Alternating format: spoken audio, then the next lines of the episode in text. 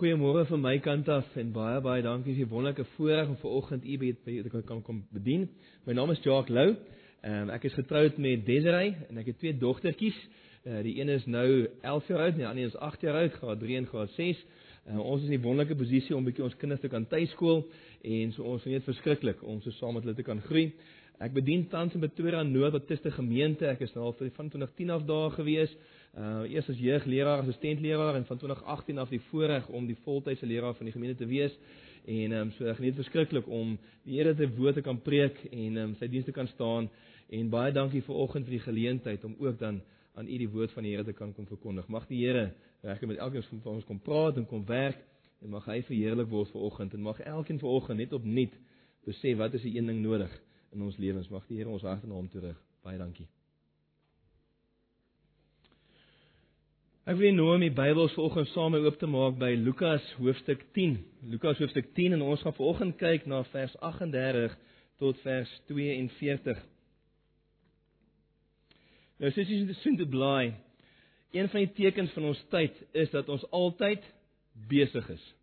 As jy vandag iemand wil vra hoe gaan dit, is een van die standaard antwoorde wat ons skryf in mekaar besig. Dit gaan besig en dit is so. Daar is so baie dinge wat ons deesdae besig hou, dinge wat moet gebeur, dinge wat gedoen moet word elke dag en elke week. En daar's baie dinge wat ons besig hou. Werk, kerk, skool, stokperdjies, sosiale verpligtinge, sport, deesdae ook oefening, gym en allerlei dinge te doen. Daar's so baie dinge waarmee mense vandag hulle self besig hou en hulle lewens mee volmaak. Maar vir oggend wil ons hierdie volgende vraag vir onsself vra. Wat is die een ding wat nodig is? Wat is die een ding wat ons besig mee moet wees voor alle dinge en ook in alle dinge? Wat is die een ding wat nodig is? Wanneer ons hierdie tipe vraag vra, naamlik wat is die een ding wat nodig is, dan is ons eintlik besig om te praat oor wat is die belangrikste ding? Wat met prioriteit hê in die lewe van 'n Christen?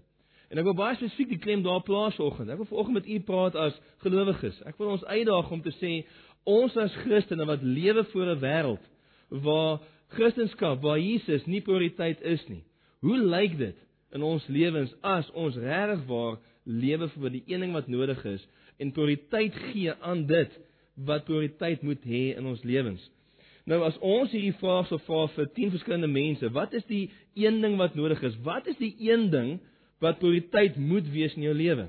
So ons dalk 10 verskillende antwoorde kry. Dalk min of meer dieselfde rigting, maar daar verskillende beklemtoninge, verskillende inslag, uh verskillende opinies oor wat moet die een ding wees wat prioriteit moet hê en wat nodig is in jou lewe. En daarom gaan ons hierdie vraag antwoord nie om onsself te vra wat ons opinie is nie. Hulle sê opinies is neusgate, nê? Almal het een en hy's vol gate. En uh, en dis reg baie keer. As ek volgens wil vra dan sê van ja wel, ons kan ons opinie hê. Maar ons gaan vanoggend hierdie vraag antwoord te hoor die wat wat Jesus sê. Wat sê Jesus is die een ding wat nodig is? Want dit is hy wat bepaal, hy het ons gemaak. As jy as jy as jy hom ken, het hy jou kom red, hy het jou sy sy sy volgeling kom maak en hy is die een wat vir my en jou met alle autoriteit kan sê hier is die een ding wat nodig is. En wanneer ons kyk na hierdie gedeelte in Lukas 10 vers 38 tot 42 sal hierdie ons tema wees. Die een ding wat nodig is. Jesus se uitspraak oor die Christelike prioriteit. Dit sal ons tema wees. Die een ding wat nodig is, Jesus se uitspraak oor wat moet die Christen se prioriteit wees. En met dit dan gesê, kom ons lees dan saam Lukas 10 vers 38 tot 42. Ek lees graag vir u in die Afrikaanse ou vertaling. Lukas skryf en hy sê en, en op hulle reis het hy in 'n sekere dorp gekom en 'n vrou met die naam van Martha het hom in haar huis ontvang. En sy het 'n suster gehad met die naam van Maria. Die het aan die voete van Jesus gesit en na sy woord geluister. Maar Martha was baie besig om alles klaar te maak. Sy kom toe daar staan en sê: "Here, gee U nie om dat my suster my alleen laat bedien nie? Sê dan vir haar dat sy my moet help." Maar Jesus antwoord en sê vir haar: Martha, Martha, jy is besorg en verontrus oor baie dinge, maar een ding is nodig. En Maria het die goeie deel uitget kies wat van haar nie weggeneem sal word nie. Net tot sover in die onfeilbare ewige gesaghebende woord van God. En kom ons net 'n oomblik van van gebed. Kom ons bid saam. Here baie dankie dat ons vanoggend die voorreg het om tot U te kan nader deur ons enigste middelaar Jesus Christus. Here en te kom sit onder die prediking van U woord. Here ek bid vanoggend dat U nou ons harte sal sal stil maak voor U dat U ons harte ontvanklik sal maak, Here, vir U. Here, ons lewensyd wat besig is en selfs vanoggend dalk is van ons bietjie dalk gejaag geweest om hier te wees met tyd te wees en daar is nog baie dinge wat vandag moet gebeur, besige dag wat dalk voor lê. Maar Here, mag ons nou stil word. Mag ons kom hoor en herinner word, Here, en en dalk geleer word, dalk bietjie gewys word en en berusp word, Here, vanoggend om te sê wat is die een ding wat elke dag, vandag ook nodig is en wat prioriteit moet hê in ons lewens. So kom sien die prediking van die woord, mag U die Heilige Gees kom en in die woord dat inslag vind in harte en kom doen wat U wil. Ons Vader, in diep afhanklikheid van U in Jesus naam. Amen. Nou, die konteks van waarin ons hierdie verse lees van hierdie verhaal van Martha en Maria is so so belangrik. Ehm um, die gedeelte wat hierdie verse vooraf gaan is waar ons die uitspraak kry van Jesus oor um, wat is die grootste gebod, naamlik in Lukas 10 vers 27 het 'n paar verse terug kry ons waar waar Jesus vra vir die man, wat is die wet? Wat sê die wet? Wat is die grootste gebod?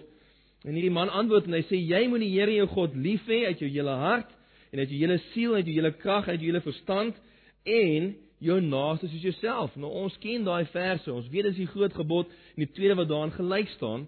En en is dis na hierdie verse wat Jesus dan kom en heel eerstens word die vraag iets gevra maar wie is my naaste? En dan vertel hy die bekende gelykenis van die barmhartige Samaritaan. En in die gelykenis antwoord hy die vraag: Hoe lyk dit en as jy jou naaste liefhet?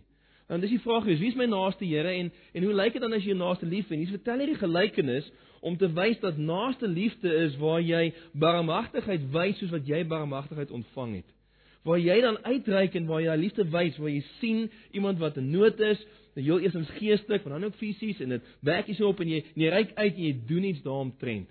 En so Jesus antwoord op die vraag oor hoe lyk dit as jy jou naaste lief het soos jouself? Maar dan kan daar nog 'n vraag by ons as lesers wees en sê, "Goed, ons verstaan nou wie is ons naaste en hoe lyk dit om die naaste lief te hê, maar maar, maar hoe lyk dit die eerste deel? Hoe lyk dit as jy die Here jou God liefhet met jou hele hart, siel, krag en verstand? Baie prakties baie prakties in realiteit. Hoe lyk dit as jy sê ek het God liewer as enigiets of enigiets anders? Hy is prioriteit in my lewe. Hoe lyk dit? En dan kry ons hierdie verhaal van Martha en Maria wat ons verstaan dalk dokter Lukas vir ons juis hier insit om vir ons te help om te onderskei en te sê wel hier moet prakties lyk. Baie keer wonder ons, Here, maar hoe leef ek my Christendom uit? Wel hier moet dit lyk. Hier sou jy elke dag jou liefde vir God moet uitleef, jou liefde vir Jesus moet uitleef want ons kry dit in hierdie verhaal wat gebeur. Lukas vertel vir ons hierdie verhaal om ons te help te sien en te verstaan hoe dit lyk dag tot dag baie prakties om die Here lief te hê met jou hele wese, naamlik om hierdie een ding wat nodig is te doen. Ehm um, vanoggend gaan ek heeltemal niks nuuts vir u sê uit hierdie gedeelte uit nie. Jy het al klaar gesien wat se een ding nodig. Maar vanoggend wil ek jou opwek daar herinner daaraan en ek wil jou uitdaag om te sê dis een ding om te weet hierdie is die een ding nodig. Maar as as u gemeente en as ons gemeente Pretoria Noord is, dan wil ek sê maar ons weet baie keer wat die regte is om te doen, maar doen ons dit? Is hierdie een ding nodig regtig ons prioriteit? En dan wat ons vanoggend nou sal doen is uit hierdie gedeelte, wil ek dan graag vir ons drie waarnemings maak. Drie waarnemings soos wat hierdie verhaal ontvou rakende oor dat ons uiteindelik hierdie vraag sal antwoord Wat is die een ding wat nodig is? Hier is die eerste waarneming vanaf vers 38 tot 40 se begin, naamlik let op die kontras in aktiwiteite tussen Martha en Maria. Die kontras in aktiwiteite tussen Martha en Maria. Jesus sê die gedeelte begin vir ons vers 38 was besig om van dorp tot dorp te reis op pad na Jerusalem toe. En waar hy ook al gekom het, het die het die mense geleer rakende die koninkryk van God. En op hierdie stadium is hy reis kom hy in 'n dorp in die naam van Betanië. En en hy kom by 'n vrou se huis met die naam van Martha en hy wil by haar aangaan en en moontlik was die disippels almal saam met hom gewees en sy het hom haar in haar woning ontvang sê vers 38. Toe hy daar kom by hulle en 'n vrou het met die naam van Martha hom in haar huis ontvang. En hierdie woord ontvang is baie belangrik. Hierdie vertel vir ons iets van Martha se hart Iets van waar hart was. Hierdie woord ontvang. Ehm um, she she welcomed him into his house. Praat van hierdie hartlike ontvang. Sy was opgewonde geweest dat Jesus daar was. Sy was bly dat Jesus besluit het om by haar aan huis te kom. So let op, hierdie is nie harte wat nou maar sê ag ja, okay, kom ons maak net my deur op aan die manne nou maar inkom nie. Nee, sy was opgewonde. Sy was bly. Sy het hom hartlik ontvang. Sy was bly dat Jesus by haar huis aan aan aan wou kom. Ehm um, sy was bly dat Jesus daar gekom het. Want hoekom was sy so bly gewees? Wel, as ons Johannes se evangelie lees en ons ken 'n bietjie die agtergrond van Martha en Maria en hulle broer Lazarus, dan weet ons Martha, sy was iemand wat in Jesus geglo het. Sy het getuig in Johannes 11 vers 27 getuig sy. As Jesus vir haar vra, "Martha, Martha, glo jy? Ek kan Lazarus opwek." Sy sê, "Ja, Here, ek glo U is die Christus, die seun van die lewende God." Sy getuig dit daar in Johannes 11. En daarom wanneer ons kom by Martha en en ons hoor dat sy is ontvang, dan moet ons ietsie hoor van haar hart. Sy was bly dat Jesus daar gekom het. Nou, dis nie so in ons tyd nie, is dit? Almal is nie bly en opgewonde oor Jesus nie. Ehm um, as jy vir iemand begin praat oor Jesus, almal nie opgewonde om te hoor wat jy te sê het oor Jesus nie. In daai tyd waarin ons lewe. En ek wil daai realiteit ook net vir ons weer herinner. As ons dink aan hierdie tyd dat daar's baie mense wat Johannes 1 vers 9 tot 13 van waar is, mense wat nie opgewonde is om Jesus te ontvang nie. In Johannes 1 vers 9 ehm um, lees ons wat Johannes skryf, die waaragtige lig wat elke mens verlig, was aankom in die wêreld. Hy was in die wêreld en die wêreld het hom het deur hom ontstaan En die wêreld het hom nie geken nie, hom nie ontvang nie. Hy het na sy eiendom gekom en sy eie mense het hom nie aangeneem nie. Maar almal wat hom aangeneem het, aan hulle het hy mag gegee om kinders van God te word, aan hulle wat in sy naam glo, wat nie uit die bloed of uit die wil van die vlees of uit die wil van 'n man nie, maar uit God gebore is. In hierdie verse herinner ons dat almal is nie opgewonde om Jesus te ontvang nie. So wanneer ons lees dat Martha Jesus ontvang het, moet ons ietsie hoor van waar haar hart al klaar is. En dis baie belangrik hoekom ek vir hierdie wil benadruk want ons verstaan dat Martha heel moontlik geglo het in Jesus op hierdie punt. Dat sy en Maria geglo het in Jesus. Maar ons vind dan dat wat hulle twee gedoen het as gelowiges, Martha en Maria, daar was verskil in wat hulle as belangrik beskou het in daai oomblik wat Jesus kom besoek aflê het by hulle huis. Want ons moet van die begin af van hierdie verhaal besef dat beide Martha en Maria albei Jesus geglo het. Beide van hulle was volgelinge van Jesus gewees en beide het hom moontlik liefgehad. Maar ons sien egter 'n groot verskil in waarmee hulle besig was terwyl Jesus by hulle aan huis was. Ons vind hier in die kontras in hulle aktiwiteite. In vers 39 sê ons wat Maria gedoen het. Wat Maria gedoen? Sy het gaan sit aan die voete van Jesus en sy het geluister na sy woord. Martha, sy was baie besig, baie besig om alles klaar te maak vir wat nodig was vir hierdie mans wat by hulle kom kuier het. Nou, let op, hulle albei was besig met iets. Dis nie dat Martha besig was en Maria nie besig was nie. Albei het gekies om besig te wees met iets, maar hulle is besig met verskillende dinge gewees, twee heeltemal verskillende sake. En ons kan amper die prentjie in ons kop sien afspeel kan ons nie? Verbeel jouself jy is Martha en Maria. Verbeel jy is daar 'n vlieg teen die muur en jy kan sien hier kom Jesus sy disippels aan. En jy sien hier kom Jesus in en Martha baie bly dat Jesus inkom En nou besef sy Jesus en sy disippels is hier 13 mans daag op en hulle wil seker nou iets eet. Wel, dan moet nou kos gemaak word en Martha begin besig raak. Sy begin rondhardloop, rond te skarrel, tafel te dek, kos reg te kry. En alles en, en terwyl sy so besig is en sy word letterlik uitmekaar uit in verskillende rigtings getrek. Daai woord wat vir ons sê sy was baie besig, maar Martha was baie besig om alles klaar te maak. Dis daai woord wat ons baie keer beleef in ons lewens, nê? Jy word in verskillende rigtings getrek. Waar jy so besig is, jy jy's besig met hierdie een ding en besig met daai ding en jy probeer nog hierdie aan die gang hou. Spreekwoordelik jy probeer al die balle in die lug hou. En Martha was so, sy was net uit mekaar uit getrek, verskillende rigtings getrek. Sy was so besig. En op 'n stadium kyk sy en waar's Maria? Waar's Maria? Sy sit en sy volgens Martha is besig om niks te doen nie. Sy sit aan Jesus se voete. En ons kan net hoor, ons kan net sy, sy sit in sy voete en die volgende wat ons dan kry is dan die tweede waarneming wat ek vir ons wil maak vanaf vers 40 tot 41, naamlik die aanklag van Martha teen Maria gegrond op wat tydelik dringend was. Het op hierdie hierdie hierdie waarneming van dat Martha kom met 'n aanklag teen haar sussie Maria gegrond op 'n tydelike dringende saak.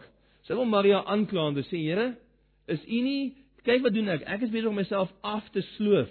My sussie doen niks nie. Ons lees in vers 40 waar sy dan waar sy dan Maria aankla. Waar sy sê Here, gee U nie om dat my suster my alleen laat bedien nie. Sê dan vir haar dat sy my moet help. Want maar Martha is ongelukkig. En ons kan al verstaan as ons na skoene was, ons ook dieselfde gedink het. Ek moet so hard werk om so hard te bedien. Wat doen my sussie? Sy doen volgens Martha niks. Hoe baie keer beleef jy in die kerk dalk wat jy voel jy moet alles doen, maar niemand daai persoon doen niks nie. Of ons beleef in daai areas in die huis dalk of so, beleef ons al hierdie gevoelens baie keer van ek werk so hard, ek bedien so hard, maar my sussie of my broer of my suster of my kinders doen niks nie. En net mooi op Maar Maria was besig met iets en ek sê nie daarmee ons moet nie in die kerk bedien nie, ek sê nie daarmee met die huis help nie. Wat ek sê is wat is die een ding wat nodig is? Wat is die ding wat nie tydelik van aard is nie, maar ewig van aard is? Want op 'n stadium in hierdie verhaal kan Maria dit net eenvoudig maak dat dit eenvoudig nie meer vat nie. Dat sy alles moet doen. Maria sit net by Jesus se voete en sy kla Maria aan. Nou ons het nodig om hier net 'n oomblik te stil te staan en twee baie belangrike dinge te besef en ag te gee rakende oor waarmee ons besig is in ons lewens. Hier's 'n belangrike ding om te besef in ons lewens, die tyd waarin ons vandag lewe en deur al die eeue heen. Besef die realiteit en gevaar van dringende afleidings in jou lewe. Besef die realiteit. Martha was afgelei deur iets wat baie dringend was, maar op daai oomblik nie die belangrikste was nie. In my en jou lewe gaan daar altyd iets dringend wees om te doen. Die lewe is besig en daar gaan altyd te min tyd wees om alles wat gedoen moet word te doen. Daar gaan altyd iets wees wat dringend is, iets wat jou aandag nodig het, iets wat jou onder druk plaas. Dit is die realiteit van die tyd waarin ons lewe. In Martha se geval het daar 13 mans by haar huis opgedaag vir 'n eet en hulle moes kos kry. Dit was vir haar 'n dringende, belangrike ding om te doen. Iets wat haar afgeaandig afgelei het en haar besig word het. En daar gaan altyd iets wees in jou lewe om te doen. Iets dringend, iets belangrik. En dis dan wat op baie keer ook in ons as Christene se lewe gebeur, is dit nie? Baie Christene los hulle verhouding met die Here, naamlik tyd met Jesus in sy woord, in gebed, tyd saam met Jesus in die gemeenskap van gelowiges. Het sy dit in eredienste, in Bybelstudies, in gebedstye, Ons los daai dinge vir wanneer ons al die ander dringende en belangrike dinge gedoen het en as daar dan tyd oor is, dan gee ons ons aandag daaraan. Maar wat gebeur so baie keer in ons lewens as jy dit doen? Daar's elke keer net nog iets om te doen. Net gou-gou hierdie doen. Net gou-gou daai doen. Net gou-gou hierdie taak aanhandel. Net gou-gou daai mense gaan sien. En wat gebeur aan die einde van die dag? Jy kom en besef ek het absoluut niks tyd meer oor om te spandeer aan die een ding wat prioriteit moet wees, naamlik my verhouding met die Here. My verhouding met Jesus en tyd saam met hom om hom te aanbid en hom beter te leer ken deur sy woord, deur gebed, deur gemeenskap van gelowiges en so voorts nie. Die gevolg is dat as ons dinge, as ons tyd met Jesus los en al hierdie dringende, belangrike dinge eers aandag gee, dan daar baie keer net nie meer tyd oor is nie. En dis wat met Martha gebeur het. Ons kan dalk selfs aanneem dat daar intensie, sy het 'n baie goeie intensie gehad, naamlik Wil net gou-gou hierdie ete klaarmaak. Net gou-gou al die goed regkry en as sy nou klaar met al hierdie dinge is, dan sal sy ook gaan sit saam met Maria. Dan sal sy ook luister en hoor wat Jesus sê. Maar as sy net gou-gou hierdie doen, ons kan ook daai daai aanname maak van hom. Kom ons gee vir haar die die voordeel van die twyfel. Maar let op. Sy het gekies om dit wat tydelik dringend was te kies bo wat ewig noodsaaklik is. En sy het afgelei gewees deur hierdie dringende ding. Ook met die oplet, besef die realiteit dat ons so maklik kan blind wees vir wat die belangrikste is. Martha was nie was nie besig met 'n onbelangrike saak nie. Uh, vandag is Vadersdag en ek weet nie van die vaders onder ons nie, maar met die manne onder ons nie, maar kos is my nogal redelik belangrik. ek hou van lekker eet. Dis my goed. En daar was 13 mans wat opgedaag het by haar huis en vir hulle was kos belangrik. Hulle was dalk honger en hulle wou eet. So Martha was nie besig met iets wat onbelangrik is nie. Om kos te maak vir jou man en vir 'n klomp mans is dis belangrik maar maar sy was blind gewees op daai oomblik vir wat die belangrikste is. En so baie keer in ons lewens is ons besig met goeie goed, belangrike goed, maar ons mis die belangrikste ding. Martha was verder was besig om Jesus en sy disippels te bedien. Nou bediening is baie belangrik.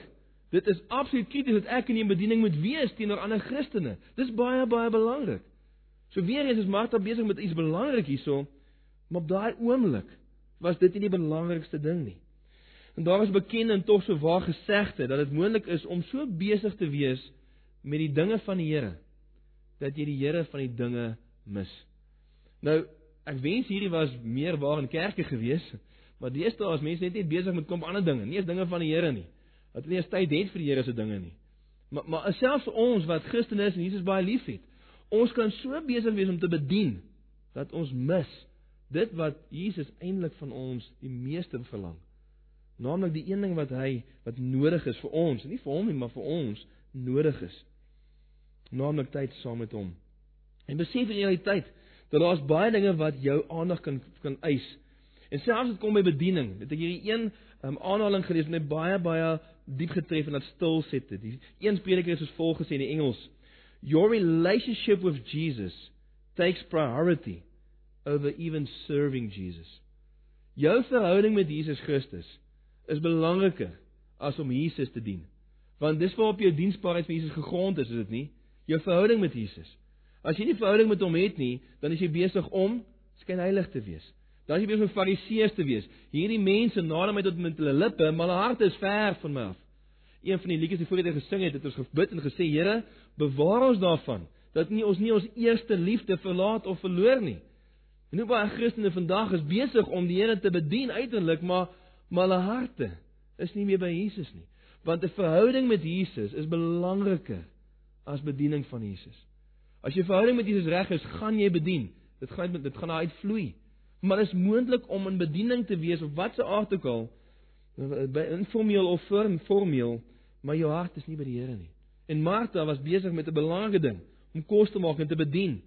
Maar sy het gekies bo wat belangrikste moet wees, naamlik haar verhouding met Jesus dat sy dit prioriteit in in, in nommer 1 sal maak en die belangrikste maak op daai oomblik. En dan sien ons in vers 41 waar Jesus dan vir Martha hierdie liefdevolle vermaaning gee. Wanneer sy kom en sy kla haar suster Maria aan. En sê Here, pla dit U nie. Jy sien nie wat wat gebeur. Maria doen niks. Ek moet so hard werk. Ek moet al die bediening doen. Sê vir haar sy my kom help en dan hoor ons vers 41. Maar Jesus antwoord en sê vir haar: Martha, Martha. Nou, wanneer Jesus hierso met Martha praat, is hy nie besig om haar ehm um, hy is nie besig om haar aan te spreek in in 'n manier van moedeloosheid en van waar hy geïrriteerd met haar is nie. Hy spreek haar aan in 'n liefdevolle ontferming, met liefdevolle ontferming, met liefdevolle vermaaning om te sê Martha, Martha. OK. Raak rustig. Raak stil. Jy is vir ons jy is jy is besorg en verontrus oor baie dinge. En Jesus kom en hierso wy wil hy vir haar liefdevol vermaan om te sê jy is besig om dit wat tydelik is, dit wat tydelik dringend en belangrik is, te kies bo dit wat regtig eintlik nodig is op hierdie oomblik in jou lewe. Dit wat jy eintlik moes belangrikste gemaak het nou dat ek hier by jou is. En dit is so is dit nie broers en susters, dat daar's baie dinge wat goed en selfs belangrik kan wees in ons lewens, waar ons besorg en verontrus kan wees en wat tog noodwendig nie nodig is op daai oomblik nie. Ek dink aan Hebreërs 12, Hebreërs 12 vers 1 en vers 2 wat vir ons ietsie daarvan uitlig van die realiteit van daar's dinge wat nie noodwendig sondige dinge is nie. Dit kan selfs goeie dinge wees. Maar hierdie dinge kan 'n las word wat ons verhinder om ons tyd en ons verhouding met Jesus prioriteit te hou in ons lewens. Hebreërs 12 vers 1 skryf die Hebreërs skrywer en hy sê daarom dan terwyl ons so 'n groot wolk van getuies rondom ons het, naamlik Hebreërs 11 die die die die hall of faith, the hall of the faith of uh, hall of um fame of the faith vir hierdie gelowiges voor ons wat ons getuig, dis die moeite werd om jou lewe op te gee ter wille van God en om hom te ken en hom te dien. En die Hebreërs skrywer sê terwyl ons al die getuies het vir ons getuig, Jesus is die moeite werd. Laat ons dan ook elke las af lê en die sonde wat ons so maklik omring en met volharding die wedloop loop wat voor ons lê. En wanneer die Hebreërskrywer hier in vers 1 sê dat ons elke las af lê, verwys na dinge wat nie noodwendig sonde is nie.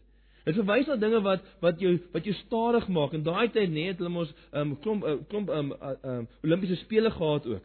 En hulle sou hulle self heeltemal uittrek van dinge wat hulle stadig laat hardloop. Dis daai gedagte. Lê elke las af. Die dinge wat jou stadig maak en dit wat jy vinnig moet doen. Lê dit af. En hoe baie dinge is daar ook in my en jou lewe wat ons as Christene begin opneem met laste Dinge wat goeie dinge is, selfs belangrik en dringend, maar dis nie regtig nodig nie. Waar ons onsself ons lewens so vol maak dat wat gebeur is die een ding nodig, skuif al hoe verder terug. Skuif al hoe verder agteruit. Ons al hoe minder tyd daarvoor. Dis al hoe minder 'n prioriteit. Al die ander dinge begin nie alles dit dit ons lewens so vol te maak. En as die Hebreërskrywer hier sê, is in lyn met wat Jesus vir Martha sê, Martha, jy's besorg en verontrus oor baie dinge. Martha, jy het klomp Martha, jy het klomp laste wat besig is om jou af te trek. Jy het klomp laste wat besig is om jou weg te trek van dit wat ek regtig van jou begeer. Naamlik om tyd saam met Jesus te spandeer. Nou, soos ek gesê het, hierdie ander dinge, hierdie laste en die dinge waarmee Martha self besig was, is nie sleg of onbelangrik nie. Maar daar is een ding wat belangriker is as al hierdie ander dinge. En ons moet daarom daarteen waak in ons eie lewens, moet ons waak dat ons toelaat dat die sorges van hierdie lewe en die dinge van hierdie wêreld te veel van ons aandag en tyd geniet en daarom 'n stryk word vir ons siele deurdat ons dit ons blind maak vir wat die belangrikste is. Terwyl ek in hierdie gedeelte gedink het, het ek ook gedink aan die gelykenis van die saaiër. Uh die gelykenis van die saaiër en dit veral die derde tipe grond waar die saaiër die woord saai en die derde grond was die die die, die grond met onkruid ingewees, nê, nee, waar die saad het opgekom, die saad het begin groei, daar het 'n gesonde plant begin kom, maar die onkruid het saam opgekom. En die onkruid het uiteindelik hierdie plantjie verstik en dit onvrugbaar gemaak. En hier is verduidelik hierdie gelykenis sê wat is hierdie onkruid wat so baie mense wat wat sê hulle glo maar hulle dan 'n geloof kom verstik en eintlik wys dat hulle nie regtig geglo het nie. Wat is dit wat wat so baie mense se geloof kom bewys as vals? Die sorges van hierdie lewe, die verleiding van rykdom, die dinge van hierdie wêreld, die sorges van hierdie lewe is besig om baie mense se geloof te verstik. En ek wil jou uitdaag om te sê, wat is dit nie nog waar van jou volgens nie? Jy weet waar jy staan met die Here. Die feit dat jy vanoggend in die kerk is beteken nie noodwendig dat jy 'n vrugbare um, Christen is, die regbare reddende geloof het nie. Hoe lyk jou verhouding met Jesus? Het jy verhouding met Jesus en is dit vir die belangrikste van die sorges van die lewe? Die dinge van hierdie wêreld kan jou begin verstik. En dit vat tyd, dit kom word tot tyd sigbaar. Maar Johannes kom waarsku ons in Johannes 1 Johannes 2 vers 15 kom waarsku ons en sê moenie hierdie wêreld lief hê en die dinge van hierdie wêreld nie. Jakobus 4 vers 4, dieselfde ding om te sê as jy 'n vriend van die wêreld wil wees, sal jy jou vyand van God maak. En die vraag wat ek vir julle wil vra in, in hierdie punt is, is daar nog dinge wat besig is om jou wat vir jou te belangrik geraak het, wat besig is om jou verhouding, sogenaamde verhouding met Jesus te verstik, waar jy besig is om nie dit die belangrikste ding in jou lewe te maak nie. Want Martha was besig met dringende en 'n belangrike ding gewees, 'n goeie ding, maar te midde van haar ywer om hierdie ding te doen, het sy perspektief verloor oor wat dit is wat Jesus regtig van haar begeer. Wat dit is wat Jesus regtig van wou gehad het.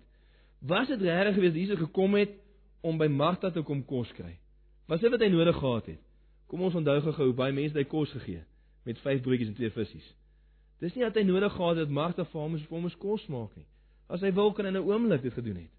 So wat is die een ding wat Jesus van Martha begeer het toe hy by haar kom kuier het? Wat is die een ding wat hy wou gehad het wat Maria gegee het, maar sy nie?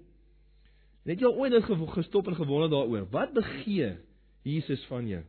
Want net op Jesus niks van ons nodig nie. Hy het nie jou en my nodig nie. Hy het nie ons enigiets. Hy het nie vanoggend nodig dat ons hier moet wees maar maar wat begeer hy van ons? Wat wil hy van ons hê? Niets wat ons vind dat die een ding wat nodig is, is die een ding wat hy begeer van ons. Naamlik vers 42. Maar een ding is nodig. Martha, jy's besorg en verwonderd oor baie dinge, maar dis wat ek van jou begeer nie. Daar's een ding wat nodig is vir jou en een wat ek van jou vra, naamlik en Maria het die goeie deel uitgekies wat van haar nie weggeneem sal word nie. En dit bring ons by die derde waarneming wat ek dan wil maak vir oggend, naamlik die uitspraak van Jesus oor wat vir ewig belangrik is. Martha was vasgevang in wat tydelik dringend en belangrik was. Maria het gekies om tyd te gee aan dit wat ewig belangrik is. Ons sien hier die realiteit rakende wat die beste en die belangrikste ding is nou en vir ewig. Want in hierdie vers in vers 42 vind ons die antwoord op ons vraag, naamlik wat is die een ding wat nodig is? En Jesus sê so reg as ons kan. Martha, daar's een ding nodig. En Maria het die beste deel gekies. En wat het Maria gekies? Om tyd te spandeer saam met Jesus. Om tyd te spandeer aan sy voete. Om tyd te spandeer om hom beter te leer ken, om te sit aan sy voete en te luister na sy woord. Een prediker ehm um, en soos het, het, het daarop gewys dat Ma, Ma, Maria hier uitget kies. Let op wat vers 42 sê. Maria het die goeie deel uitget kies. Dis nie iets wat van selfsprekend gebeur nie. Dis iets waaraan daar 'n 'n besluit gemaak moet word dat jy die prioriteit gaan maak in jou lewe. Jy moet uitkies om tyd te gee aan hierdie een ding wat nodig is. En Maria het dit gekies, uitgekies. En een prediker sê soos volg. Hy sê in Engels she chose the important over the urgent, the better over the good. And that is why the Lord commended her. This passage is not about cooking versus paying, uh, praying or the active life versus a life of contemplation. It's about the divided life versus the focused life.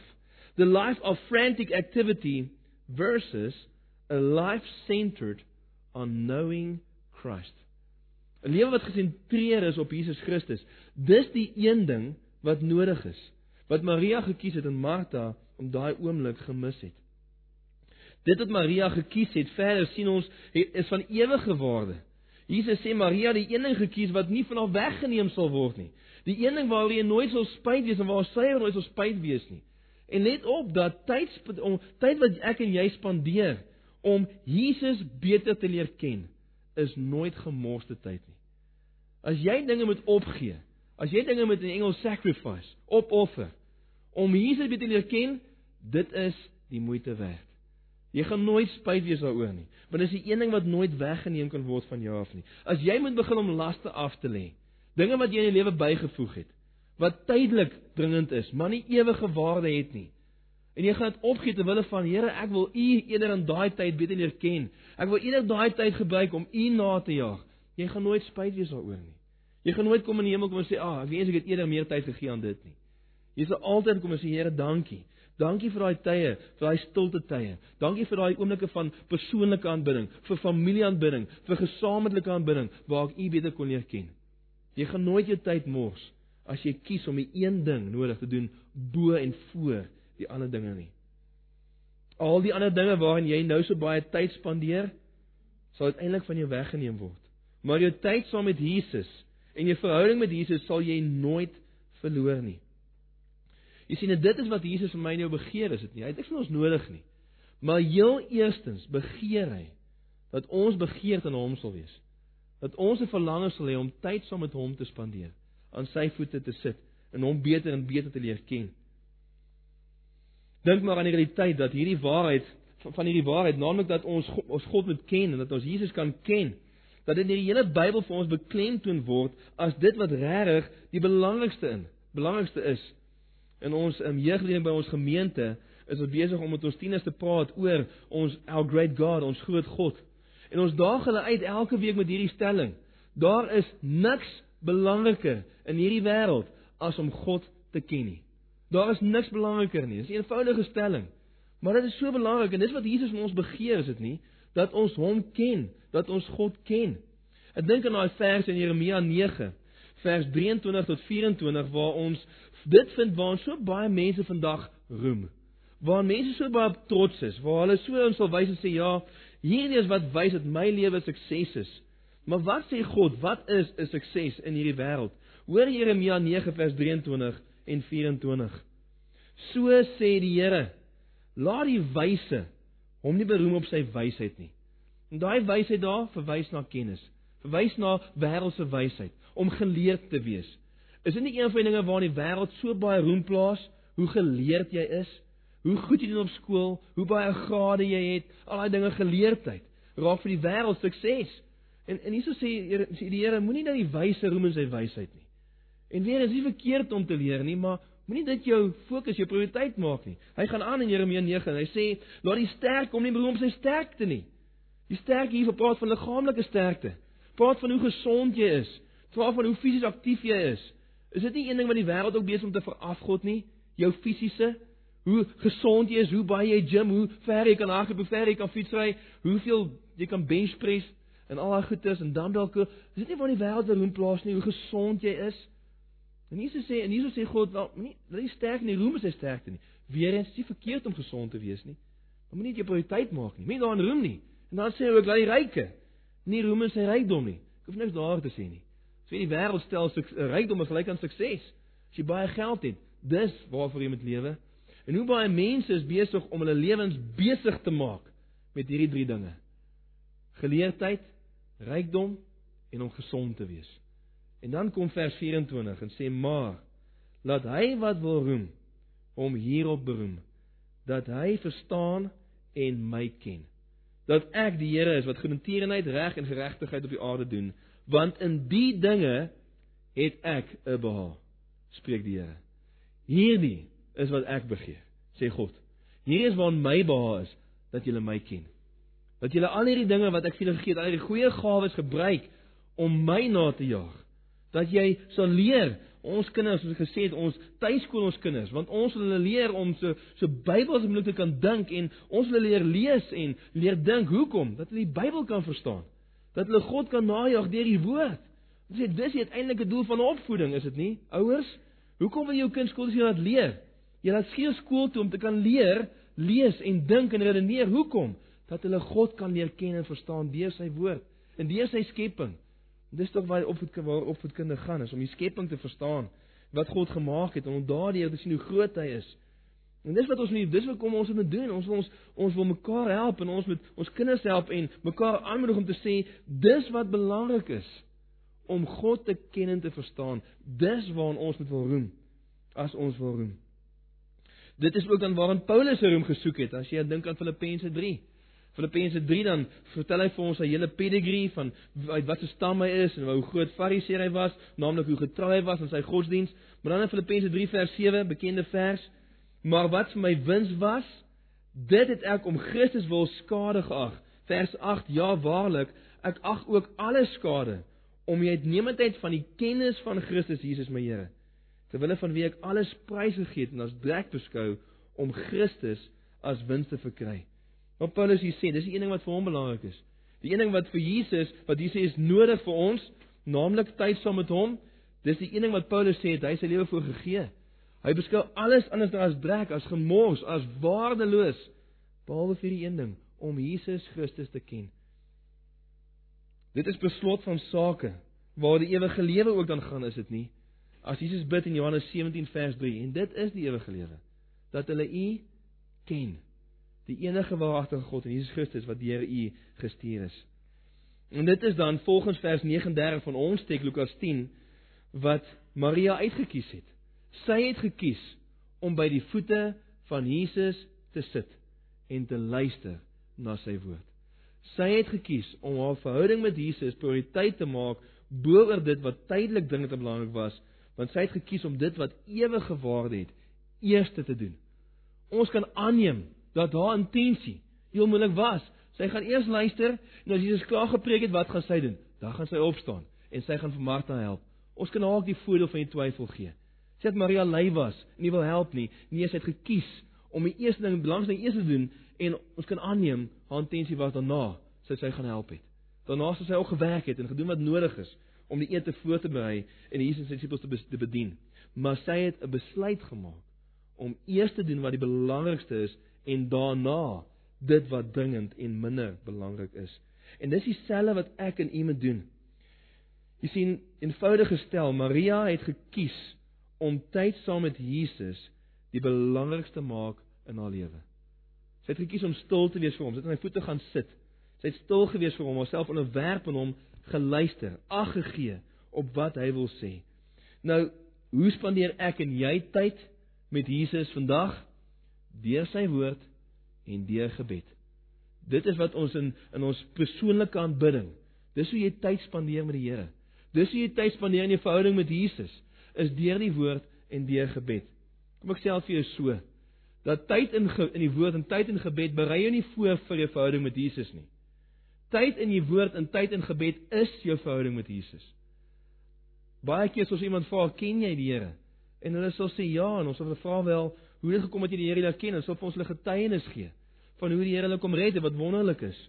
Maar om Jesus te ken, broer en suster, om 'n verhouding met hom te hê, is meer as net 'n getuienis. Dit is 'n daaglikse manier van leef waar as jy nie tyd spandeer in God se woord en in gebed nie, kan jy baie dinge van jouself sê, maar jy moet mooi dink of jy sê jy ken vir Jesus. Of jy besig om 'n verhouding met hom te hê. Baie keer as ons sê ek het 'n verhouding met Jesus, kan ek jou vra, hoe lewend is jou verhouding met Jesus? Want weer eens, tyd in die woord en tyd in gebed berei jy nie voor vir jou verhouding met Jesus nie. Dit is jou verhouding. En as dit ontbreek in jou lewe, dan ontbreek jou verhouding met Jesus. Dan is jy besig om 'n gebrekkige verhouding te hê met Jesus. Jy's besig om hom nie te ken soos jy soos jy moet en kan nie. En Maria weer eens het dit gekies om tyd te spandeer. En dis wat ek en jy moet kies om stil te word voor die Here en tot hom te nader en ons volle aandag aan hom te gee met die doel om onsself aan hom te onderwerp in gehoorsaamheid aan wat hy sê in sy woord. Daar is geen plaasvervanger vir tyd saam met Jesus in sy woord en in gebed nie. Dit is jou verhouding met Jesus. En dit is die een ding wat nodig is. Een skrywer het soos volg gesê, ek haal aan: A love relationship with Jesus is more important than any other single factor in your life. Everything in your Christian life, everything about knowing him and experiencing him, everything about knowing his will depends on the quality of your relationship with Jesus.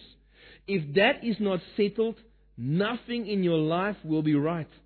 Your walk with the Lord is the single most important aspect of your life.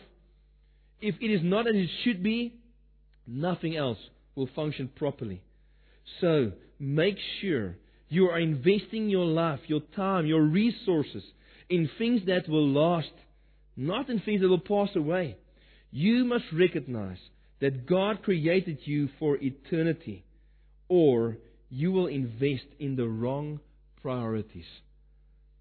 Dis die een ding waar ons ons tyd moet spandeer, moet investeer nou en vir ewig, want dit is die ewige lewe. Dis wat Jesus van ons begeer, dat ons hom sal ken. Jesus begeer dat ons tyd saam met hom sal spandeer. En dit is dan ook die voorbeeld wat hy vir ons kom stel het, is dit nie? Toe hy op aarde geleef het. Jesus het tyd saam met sy Vader sy prioriteit gemaak. In Markus 1:35 lees ons hierdie woorde van waar Jesus vroeg in die nag, uh vroeg in die dag, terwyl dit nog donker was, diep in die nag nog, het hy uitgegaan na 'n eensame plek en hy het daar gaan bid. Ons lees in Matteus 16 of Matteus 14 eerder, net nadat Jesus die die brood vermeerder het, het hy die disippels weggestuur in 'n skei en hy self het alleen agtergebly en hy het op die berg geklim en hy was daar alleen saam met sy Vader gewees. Jesus self wys vir ons hoe dit lyk in praktyk, baie prakties. Hy sê ek het die Here lief met my hele hart, siel, krag en verstand. In praktyk is dit gelyk aan tyd saam met hom in sy woord. Tyd in persoonlike aanbidding en dan ook familieaanbidding en dan ook in gesamentlike aanbidding saam met ander Christene. Ons moet besef dat tyd saam met Jesus is dan ook absoluut noodsaaklik as ons enigstens vrug wil dra in ons lewens. In Johannes 15 vers 5 sê Jesus: Ek is die wingerd en julle is die lote. Wie in my bly en ek in hom, hy sal veel vrug dra. Maar sonder my kan jy niks doen nie. Dink aan die kerk vandag en dink aan hierdie tyd van hoe ons so verlang dat daar meer vrug sal wees. Vrug van 'n karakter wat lyk soos Jesus, vrug van lewe wat in lyn is met die van Jesus. En is nie dalk dat een van die redes hoekom dit nie daar is nie, is omdat ons so besig is dat ons nie meer tyd maak vir die een ding wat die belangrikste moet wees, naamlik tyd in God se woord persoonlike tyd in sy woord en persoonlike gebed waar ons net stil is voor Jesus en hom net aanbid en geniet en beter leer ken nie. En dit is dan wat Jesus vir Maria sê en vir Martha wys om te sê Martha, hierdie is wat ewige waarde het. Jesus gee vir ons hier uitspraak en sê hierdie is die een ding wat nodig is. Hierdie moet elke Christen sy prioriteit wees. En daarmee dan sluit ek dan af met die volgende paar vrae en gedagtes. Die vraag wat ek dan vanoggend vir elkeen van u met groot nederigheid, maar ook met groot uh uh um courage wil vra, groot manhaftigheid. Ek wil jou vanoggend uitdaag en vra, is dit waar van jou? Glo jy dat wat Jesus hier sê moet regtig die belangrikste wees in jou lewe, naamlik tyd saam met hom in sy woord? En ons wil glad nie ons wil glad nie wetjies raak oor hierdie om te sê jy moet soveel tyd spandeer en soveel hoofstukke lees en so lank bid glad nie. Wat ons wil doen is om te sê is is dit die eerste ding elke dag op jou gedagtes. Is dit die een ding wat jy beplan in jou dag voordat jy enigiets anders beplan? Of Is dit van ja, daar's so baie dinge wat gebeur. Ugh, ek sal môre. Môre sal ek maar eerder tyd maak vir die Here. Of is die een wat in jou hart leef? Sê Here, U is regtig die belangrikste persoon in my lewe. En ek wil tyd saam met U prioriteit maak. G gaan jy kies om tyd te maak vir Jesus elke dag? Ek weet nie hoe lyk 'n party van persoonlike aanbidding nie. Ek ken nie glad nie. So ek kan maar net praat en ek kan maar net deel en in my, my eie hart met die deel en sê en vir jou vra, gaan jy kies? Gaan jy dit uitkies bo al die dinge om te sê maak nie saak wat nie. Ek wil tyd saam met Jesus elke dag 'n prioriteit maak. In die oggend of die middag en die aand is wanneer ook al dit pas. Wanneer ook al 'n goeie tyd sal wees. Gaan jy kies om dit te doen? Gaan jy kies om 'n plan om tyd saam met die Here die belangrikste ding van elke dag te maak? Gaan jy dit kies? Jy moet nie daarna streef om minder besig te wees nie. Ek en jy gaan besig wees tot die dag wat die Here kom of ons sterf. Wat ook al eers gebeur. Ons gaan besig wees. Wat ek en jy moet doen is ons moet kies om besig te wees met die regte dinge. Onthou Maria was besig. Sy was besig met tyd met Jesus. Dis nie eers sy niks doen het nie. Sy was besig. En ek en jy moet kies om besig te wees met die regte dinge. In plaas daarvan dat jy te besig is vir tyd saam met Jesus, moet jy besig wees met Jesus.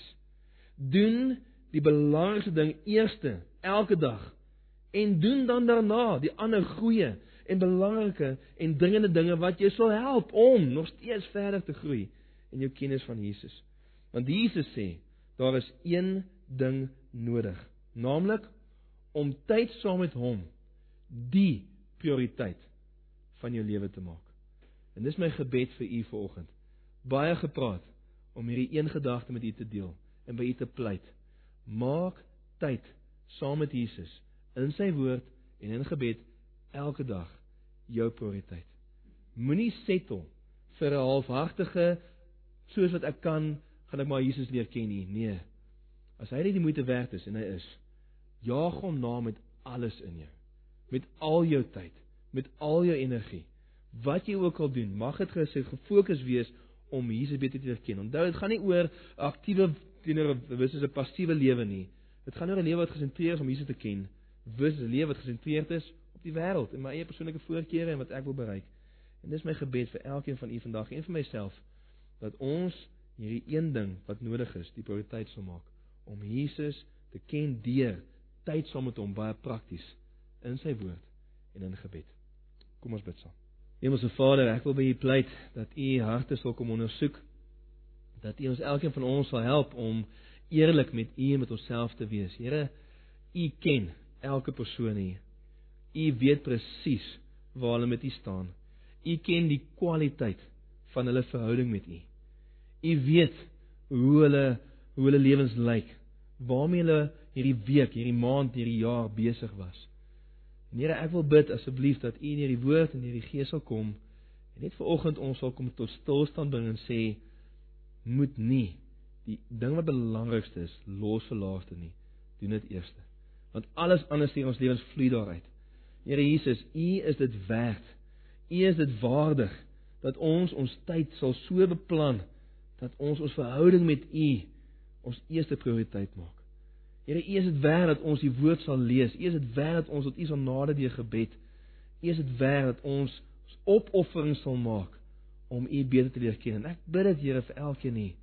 Ek bid vir die wat U dalk nie ken Here, die wat alskyn heilig is en wat 'n uiterlike skyn van godsaligheid het, maar nog nooit regtig waar die die die uh, wederbare krag van die Heilige Gees beleef het en Jesus gesien in al sy glorie en heerlikheid en hoe kosbaar dit is om hom te ken. Ek wil dit maak hulle oë oop. Kom oortuig hulle van hulle sonde. Kom trek hulle na Christus toe, Vader, gee hulle aan Christus dat hulle tot geloof in hom mag kom en hulle mag bekeer van hulle sonde. Dat hulle ook die skat kan ontdek van om Jesus te ken. En vir ons wat reeds ken, mag ons die wêreld wys, Here, dat U is ons tyd werd. U is ons opofferings werd. Dat tyd saam met U is 'n non-negotiable in ons lewens. U is belangriker as al die ander dinge. Help ons daarin, Here Jesus, want ons sal die vrug daarvan dra, ons sal die vrug daarvan beleef. Ons sal dan nie net ken, ons sal versadiging, vreugde en vervulling vind in U. Ons sal vrug dra en ons sal bruikbaar wees in en deur U hand, ook in hierdie wêreld om sout en lig te wees en om ander mense te wys hoe wonderlik U is. Here, ons bid nou dat as ons ons paie skei van mekaar, Here, vir hierdie oomblik dat U met ons sal wees, dat U ons sal vul met U Gees, Here, in staat sal stel om te wandel in dit wat reg is vir U en geregtigheid reg is vir ander en sal doen wat U behaag. Mag U met ons wees. Behoed en beskerm en bewaar ons Here tot ons weer mekaar kan kom. Ons Vader in Jesus naam. Amen.